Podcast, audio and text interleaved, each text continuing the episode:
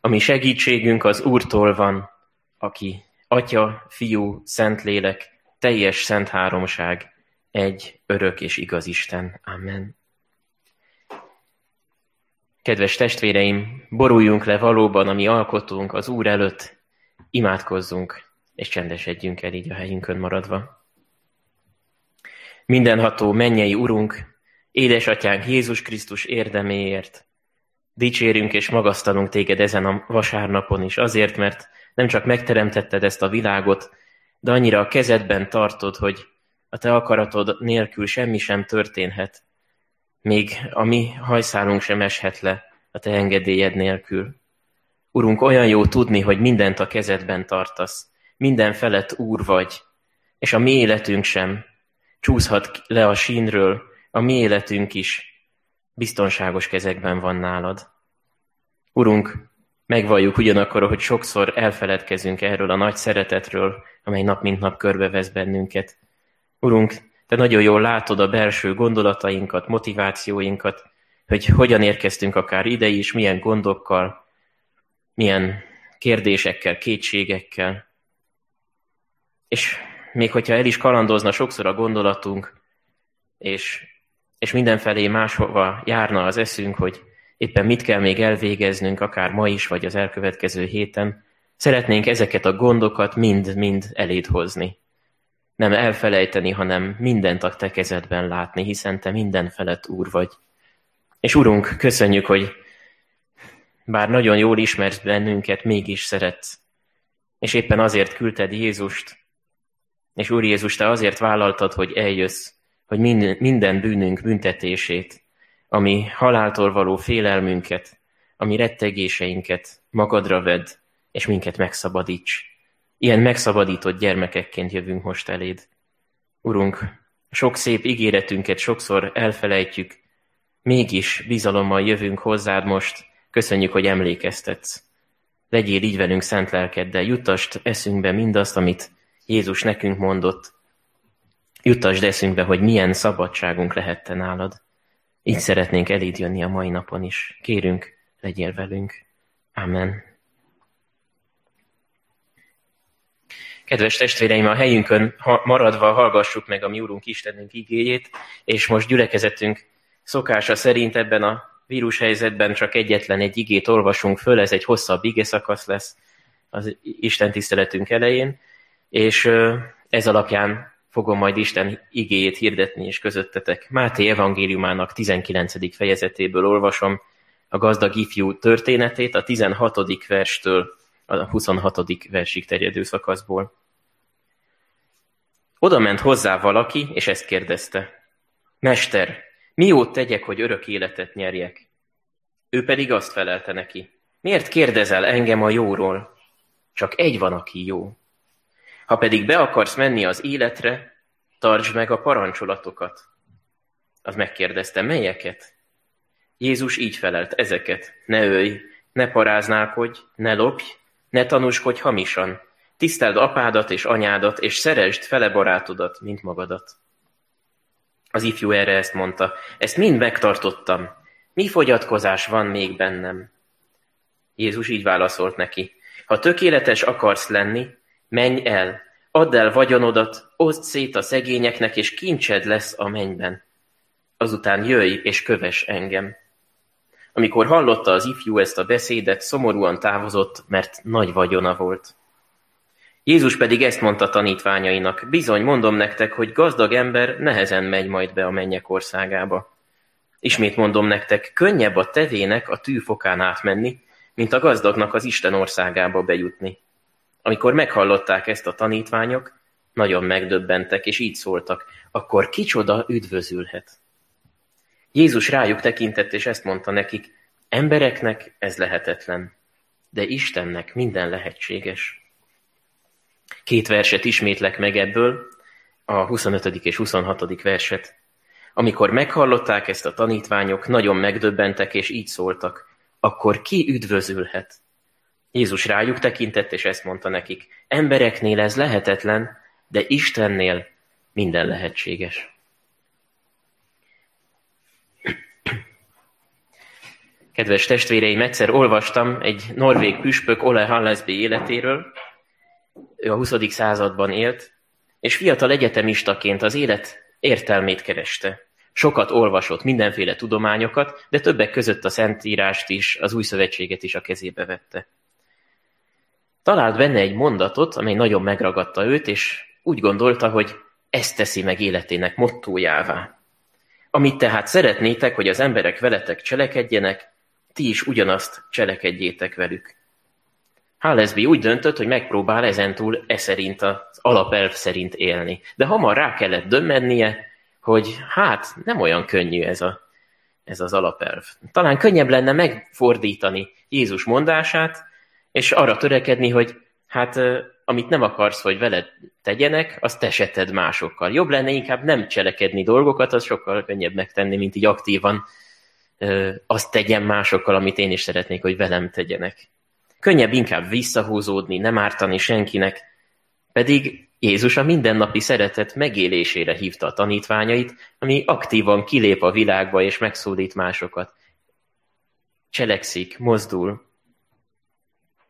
Nehéz mások javát keresni. És amikor látta Hallesby, hogy hát nem sikerül Jézus szavai szerint élnie, akkor újra olvasni kezdte az új szövetséget, hát ha talál valami kifogást Jézuson, hát ha Jézus sem mindig tartotta be ezt a parancsot vagy alapelvet. Talán ő is volt, amikor nem volt egészen önzetlen, vagy olyat tett, amit nem szívesen kapna vissza. De ahogy így kutatgatott, rá kellett jönnie, hogy a Szentírásban valaki olyas valakivel találkozott, aki teljesen más, mint mások. Neki nem találta a védkeit. Szavai és tettei teljes összhangban voltak és vannak egymással. Talán nem is egy egyszerű ember ez a valaki. Egyre csak nőtt a csodálkozása, míg, míg csak nem elérkezett ahhoz a ponthoz, ahol Jézus a kereszten függ, és az, azokért imádkozik éppen, akik őt kivégzik. Uram, bocsásd meg nekik, mert nem tudják, mit cselekszenek. Nem tudott mit tenni. Megdöbbenésében letette a Bibliát a kezéből, és kibudjan belőle az imádság, csak úgy ömlött belőle. Jézus, te teljesen más vagy, mint én. Én ettől a perctől kezdve alá rendelem magam neked. Fogadj el engem, légy a megváltóm. Látjuk, hogy Jézus személye mellett nem lehet elmenni szó nélkül. Figyelmen kívül hagyhatja valaki, el is utasíthatja, de nem lehet nem megtörténté tenni azt, hogy ő itt járt. És sokak életét gyökeresen megváltoztatta. Nem hallgathatjuk el, hogy ő a Biblia tanúsága szerint teljesen más, mint mások. Aki pedig megismeri őt, de valójában megtudja, hogy ő kicsoda, elérkezhet életének a fordulópontjához. Ahogyan ez a norvég fiatalember is, aki később püspök lett. A mai igényben is egy ilyen találkozásról van szó, hogy valaki Jézussal találkozik. Egy gazdag ifjú, de ez a történet nem olyan bátorító. Nem olvasunk arról, hogy ez az ember megváltozott volna, Jézus követőjévé lett volna. Sőt, kifejezetten aggasztó ez a szakasz, Miért baj az, hogy ez a fiú a jóról kérdezi Jézust? Vissza is kérdez az úr, hogy miért kérdezel engem a jóról? Miért baj az? Miért mondja Jézus, hogy a parancsolatok megtartásával juthat az életre, és azután ez miért mégsem elég a fiú életében? Hogy van ez akkor? Jogosan vetődnek fel ezek a kérdések, amikor ezt a történetet olvassuk, de mégis én most a beszélgetés legelejére szeretném felhívni a, a figyelmeteket. A mai igében sincs másról, szó másról, mint Hallesby életében. Mindkét történet Jézus személyének a megértéséről szól. Hogy kicsoda Jézus. Hogyha értenék, hogyha értenénk, akkor egészen máshogy állnánk hozzá az élethez, mint előtte. Először Hallesby egy jó tanítónak gondolta Krisztust, akinek a mondásait érdemes mottóként használni az életünkben, de utána rájött, hogy Jézus sokkal több, mint akinek először gondolta őt. És ugyanígy ez a kiinduló pontja a gazdag ifjúnak is. Így kérdezi, mester, jó mester, mit tegyek, hogy elnyerjem az örök életet? Egy jó tanítónak gondolta őt. Joggal kérdez vissza Jézus, miért mondasz engem jónak? Te most kihez jöttél kérdezni? Márk evangéliumában így kérdez vissza, miért mondasz engem jónak? Senki sem jó az egy Istenen kívül. Talán visszautasítja Jézus ennek az ifjúnak a megszólítását? Miért baj az, hogy jónak mondja Jézus, nem jó? Sőt, olyan, mintha kicsit így külön is választaná, hogy hát Isten jó, én nem vagyok az. Biztos ezt mondja Jézus? Nem. Sehol sem olvasjuk az evangéliumban, hogy Jézus ö, ne mondaná magát jónak. Vagy nem mondaná azt, hogy ő egy az atyával. Sőt, Jézus ezekkel a szavakkal inkább elgondolkodásra készteti ezt a fiút. Mert ez az ifjú nem gondolta át, hogy kihez is fordult ő valójában. Ő egy jó mesterhez, egy rabbihoz jött praktikus tanácsot kérni. Talán még visszaigazolást is kap tőle, megsimogatja a fejét, de jó ember vagy, nagyon jó úton jársz, még az esetleg mond neki egy kis tanácsot, amivel kiegészíthetné az életét, és akkor már rendben is van Isten előtt. De Jézus nem megnyugtatni akarta őt a hamis bizonyosságában, hanem éppen fel akarta nyitni a szemét. Én nem mondok mást, mint amit Isten mond. Tulajdonképpen Jézus válasza ez. Ne ölj, ne lopj, ne paráznál, hogy megismétli a mózesi törvényt, ami tényleg Istentől van, és már nem az emberek gyártmánya vagy továbbfejlesztett törvény magyarázata. János evangéliumában ugyanezt így fejezi ki Jézus, én nem mondok mást, csak azt, amit az én atyámnál láttam. Sőt, néhány helyen egészen nyilvánvaló módon megszólal, és azt mondja, én is az atya egy vagyunk. Én nem azt mondom, mint a proféták, hogy így szól az Úr, hogy nem közvetítem Isten akaratát, én magam vagyok az Úr, aki kinyilatkoztatok nektek, akik szólok hozzátok, itt vagyok közöttetek, észreveszitek-e? Így szólal meg itt is Jézus. Senki nem jó az egy Istenen kívül, de ez az egy Isten, aki jó mindenek felett, emberként a földre jött és megmutatta magát nekünk.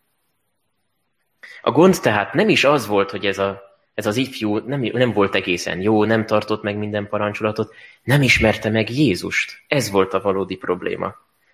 A mindenható Úr hiányzott valójában az életéből. Honnan tudjuk ezt? Mindenek előtt abból, hogy a saját teljesítményére hivatkozott. Megtettem ezt mind, ifjúságomtól fogva. Azt gondolta, hogy képes megfelelni Isten elvárásainak. Elég jó tud lenni, pedig senki nincs, aki elég jó tudna lenni Isten előtt. A bűnös embert már egyetlen védkéért elítélik, nem kell ahhoz az egész életén keresztül védkeznie. Egyetlen egy elég ahhoz, hogy valaki ítélet alá kerüljön. Rendben, de mondjuk azt, hogy valaki jó ember. Egy valamit mégsem tudunk megtenni, nem tudjuk áthidalni azt a mélységes mély szakadékot, amely Isten és ember között tátong. Isten a mennyben van, én a földön, ő távol van, messze van, én bűnös vagyok, és hogy is érhetnék föl ő hozzá? Nem tudunk megbékélni vele a saját törekvésünkből. Kevés ehhez az erőfeszítésünk. Az ifjú azt gondolja, hogy letudja Isten előtt a kötelességeit, és már meg is van váltva a jegye a mennybe, pedig éppen a legfontosabb dolog hiányzott az életéből, amely minden teljesítményét lenullázta. Nem ismerte Jézust, akiben Isten megmutatta magát az emberiségnek. Tehát nem egy teendő listát kell elintéznünk ahhoz, hogy a mennybe kerüljünk, hanem személyes kapcsolatba kell lennünk azzal, aki képes megtartani az életünket. Azzal, aki örökké való, és ezért az örökké valóságban is képes életben tartani minket.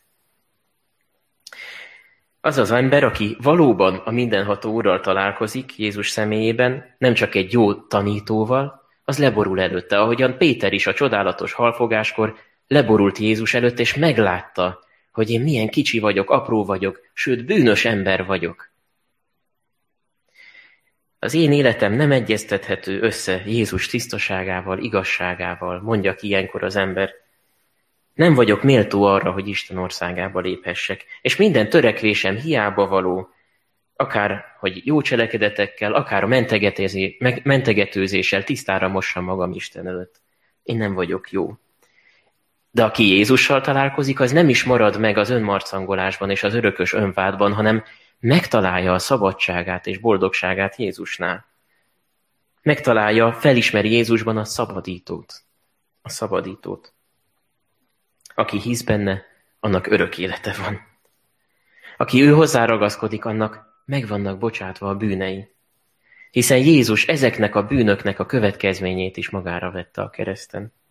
Tehát az örök élet szempontjából nem a teljesítményünk a mérce. Ez teljesen kívül esik most már ö, azon, hogy mi ezt elérhetjük, vagy nem érhetjük el. Magunktól nem érhetjük el. Jézus szerezte meg azt. Nem a jó cselekedetünk számít tehát, hanem hogy jelen van-e Jézus az életünkben, vagy sem. Másodszor azért hiányzott ennek az embernek az életéből Jézus, mert amikor az Úr követésre hívta őt, akkor kiderül, hogy ennek az ifjúnak esze ágában sem volt mindent otthagynia Jézusért. Nem akarta otthagyni a régi életét. Nagyon érzékeny pontot érintett meg Jézus itt a beszélgetésben, add el a vagyonodat, és kincsed lesz a mennyben. Na, csak ezt nem akartam hallani, gondolhatta az ifjú. Amikor hallotta az ifjú ezt a beszédet, szomorúan távozott, mert nagy vagyona volt. Szomorúan távozott. Milyen érdekes, sokan, akik találkoznak Jézussal, örömmel hagyják ott mindenüket, és a szántóföldbe rejtett kincs példázatában azt olvassuk, hogy örömmel eladta mindenét. Ott hagyta mindenét ezért a kincsért ez az ember, aki ezt a nagy kincset találta. Ez pontos az, az ellenkezője. Szomorúan távozott, mert nagy vagyona volt. Úgy tűnik, hogy ez az ember jobban kötődött a vagyonához, mint Jézushoz. Úgy gondolom, hogy azért, mert nem értette meg igazából, hogy kicsoda Jézus. Egy jó tanító, aki mond nekem valami praktikus tanácsot, de én tovább nem akarom beengedni az életembe. Nagyobb kincset jelentett neki a pénz, mint Jézus követése. Az ifjú egy olyan örök életet képzelt el magának, ahol megtarthatja a pénzét. Csak hogy ez ugye egy földi mulandó dolog, és hogyha Jézus azt mondja, hogy ott van a szíved is, ahol a kincsed van, akkor ez egészen ijesztően hangzik, mert a szívünk is ott van a mulandó földi, most kimondhatom, bálványunknál, akkor, akkor mi is ugyanúgy elveszünk a kincsünkkel együtt. A mulandó kincsünkkel együtt. Nem csak a pénz lehet a bálvány. Nagyon sok földi dolog, minden teremtett dolog, így mondja a római levélben Pálapostól, hogy éppen az a gond az emberrel, hogy a teremtő helyett a teremtményt kezdte el imádni. Tehát minden földi teremtményben, hogyha az ember a végső boldogságát keresi, akkor bálványá lesz. És milyen nagy ajándék Istentől, ha ezeket a bálványokat leleplezi az életünkben. Természetesen kellemetlenül érinti az embert, hogyha szembesülnie kell azzal, hogy valami földi dologban bízott, és nem Istenben. De addig van esély a gyógyulásra, amíg szól az evangélium és a bűnről szóló hír, hogy, hogy igen, bűnösök vagyunk. Ez sokan támadásnak veszik a mai kultúránkban, hogy hát miért sértegetsz? Pedig Isten részéről éppen ez a szeretet jele. Addig van lehetőség megtérésre, amíg szól az ítélet, amíg szól a, a bűn, bűnről szóló híradás. És aztán az evangélium is, hogy van ebből szabadulás. Amíg jelen van az áldott orvos, a mennyei orvos, van esély a gyógyulásra. Talán magunktól is érdemes megkérdezni, hogy mi az az én életemben, amiről azt gondolom, hogy hát Isten biztosan nem akarja, hogy én ezt föladjam. Valakinek az életében a hatalomvágyhoz kötődik a bálványa, vagy a, vagy a szerelemhez, vagy, vagy a sikerhez. Nem csak a pénzhez kötődhet így az ember szíve. De nagyon könnyű felismerni, hogyha egy kicsit sebezhetővé válik egy pont az életünkben, kicsúszik a lábunk alól a talaj, hogy hú, én ebben a dologban bíztam. Ki vagyok én? Ráismerek a saját szívemre is. Ki vagyok én, hogy, hogy minden bizalmamat a gyermekembe vetettem, és ő most kirepül otthonról.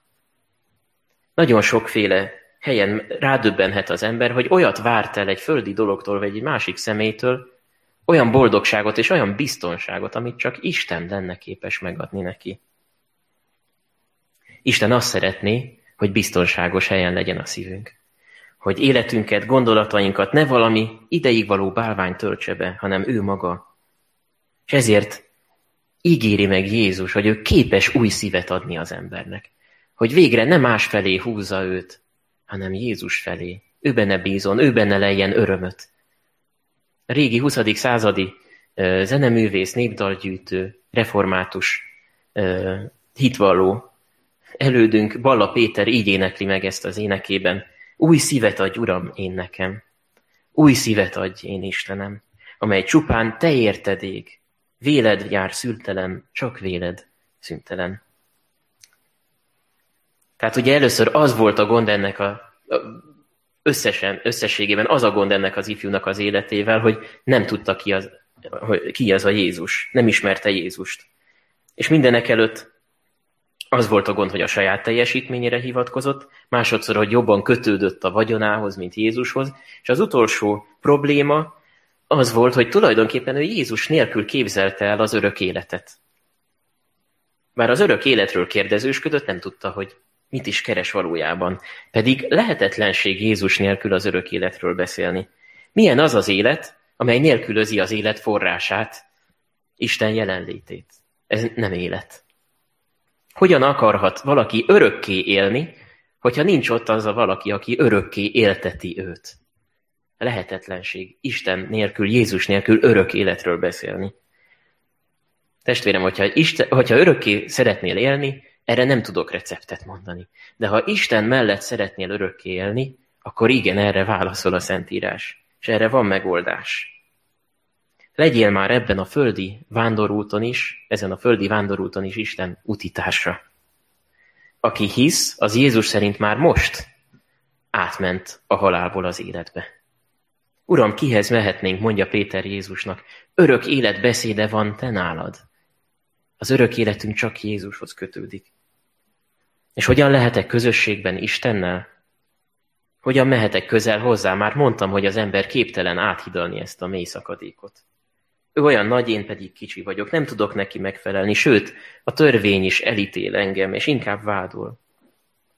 Vagy a bálványom áll Isten és én közém. A jólét, a, a szenvedélyem. Olyan helyzetben van az ember, mint az a teve, akinek át kellene menni a tű fokán.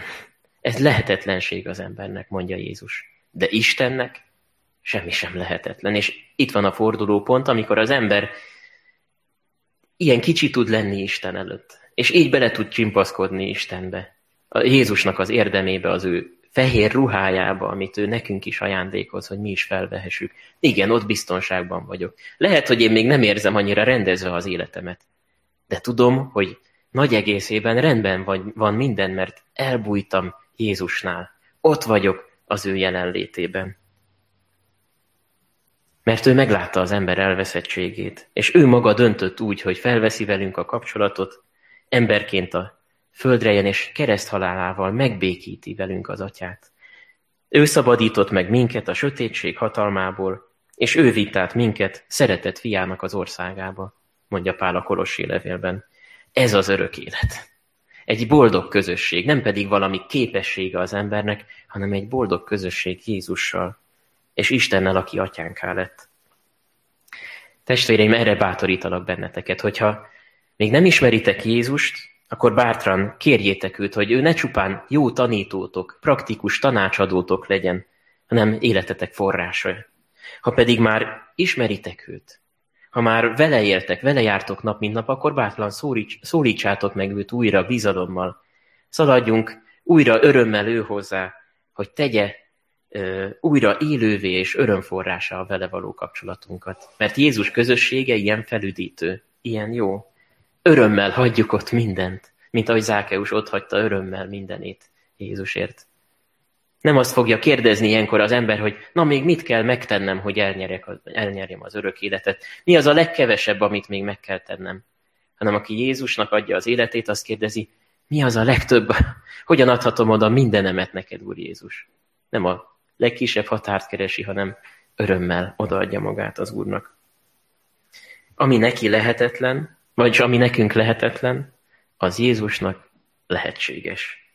Ért, ha megértjük, hogy Jézus kicsoda, akkor minden más kérdésünk is a helyére kerül. Isten törvénye, amely korábban vádolt és olyan nehéz elvárásnak tűnt, hirtelen ígéretté változik számunkra. Ezt fogom kimunkálni a te életedben is, szent lelkemmel, mondja Jézus. Hát kérjük bátran Isten szent lelkét, hogy ne a teljesítményünkbe kapaszkodjunk, hogy ne a földi bálványunkhoz húzzon a szívünk, és hogy bizalommal forduljunk hozzá, és ő vele, az ő vele való közösségben képzeljük el az örök életünket. Dicsérjük végül az Urunkat, hogy ilyen kiváltságban részesített bennünket, és megmutatta magát újra nekünk. Áldott legyen ezért az ő neve. Amen.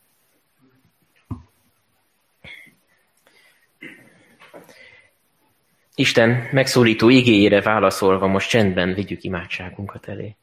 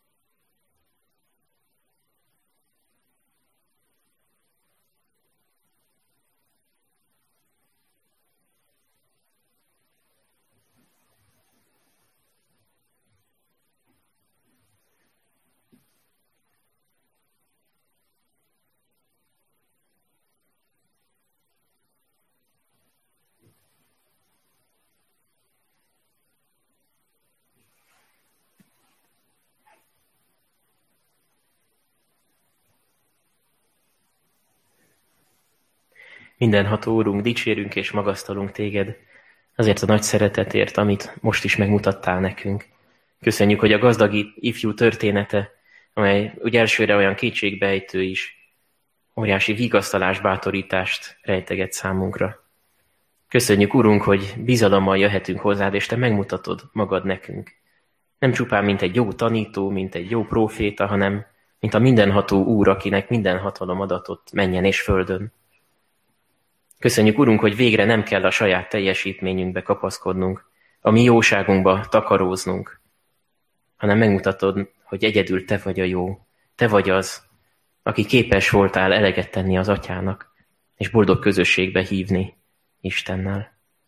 Köszönjük, Urunk, hogy nem kell, hogy a földi boldogságunkhoz húzzon a szívünk, hanem megtalálhatjuk a végső boldogságunkat nálad, és így minden más is a helyére kerülhet az életünkben, Bátran merünk szeretni, bátran merünk bánni a pénzzel is, bátran merünk felelősséget vállalni az életben, hiszen nem kell attól félünk, félnünk, hogy a te közösségedben bálványá válna bármi is a mi életünkben.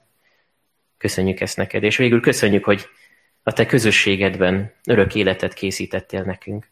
Köszönjük, hogy nekünk ott jó, és máshol nincs életünk. Köszönjük, hogy nálad van az örök élet beszéde. És Urunk, kérünk arra, hogy szent lelkeddel tedd elevenni, élővé bennünk ezeket a szavaidat, ezt a bátorításodat, akkor is, amikor az elkövetkező hét kihívásai elé nézünk, amikor a vírus helyzetben ráadásul még külön nehézségekkel is küzdünk, akár a munkahelyünkön, családunkban, akkor is, amikor Elkeseredünk és kilátástalannak tűnik a jövőnk. Urunk, legyél azokkal is, akik a betegséggel küzdenek, akár itt a vírushelyzetben, vagy más betegséggel is, vagy a gyászterhét hordozzák. Te légy az ő vátorítójuk, vigasztalójuk. Olyan vigasztalást adj nekik, amit emberi szó nem képes adni. Köszönjük, hogy Te hatalommal bíró úr vagy a mi életünkben is, és mindent kézben tartasz. Így imádkozunk gyülekezetünk egészéért is, minden korosztályáért, fiatalokért, idősebbekért egyaránt. Imádkozunk gyülekezetünk vezetőségéért, és egyházunkért is. A felelősséggel bírókért adj nekik gondolatokat és tőled való bölcsességet, és ugyanígy imádkozunk egész országunkért is.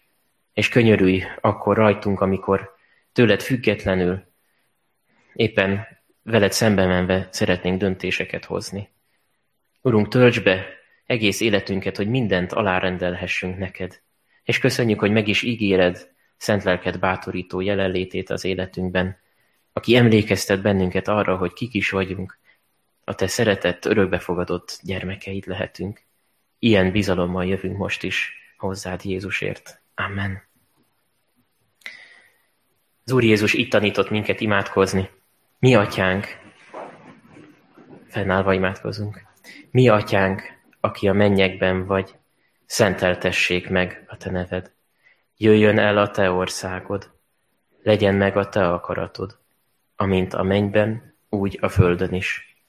Minden napi kenyerünket add meg nekünk ma, és bocsásd meg védkeinket, miképpen mi is megbocsátunk az ellenünk védkezőknek. És ne védj minket kísértésbe, de szabadíts meg a gonosztól, mert tiéd az ország, a hatalom és a dicsőség mindörökké. Amen.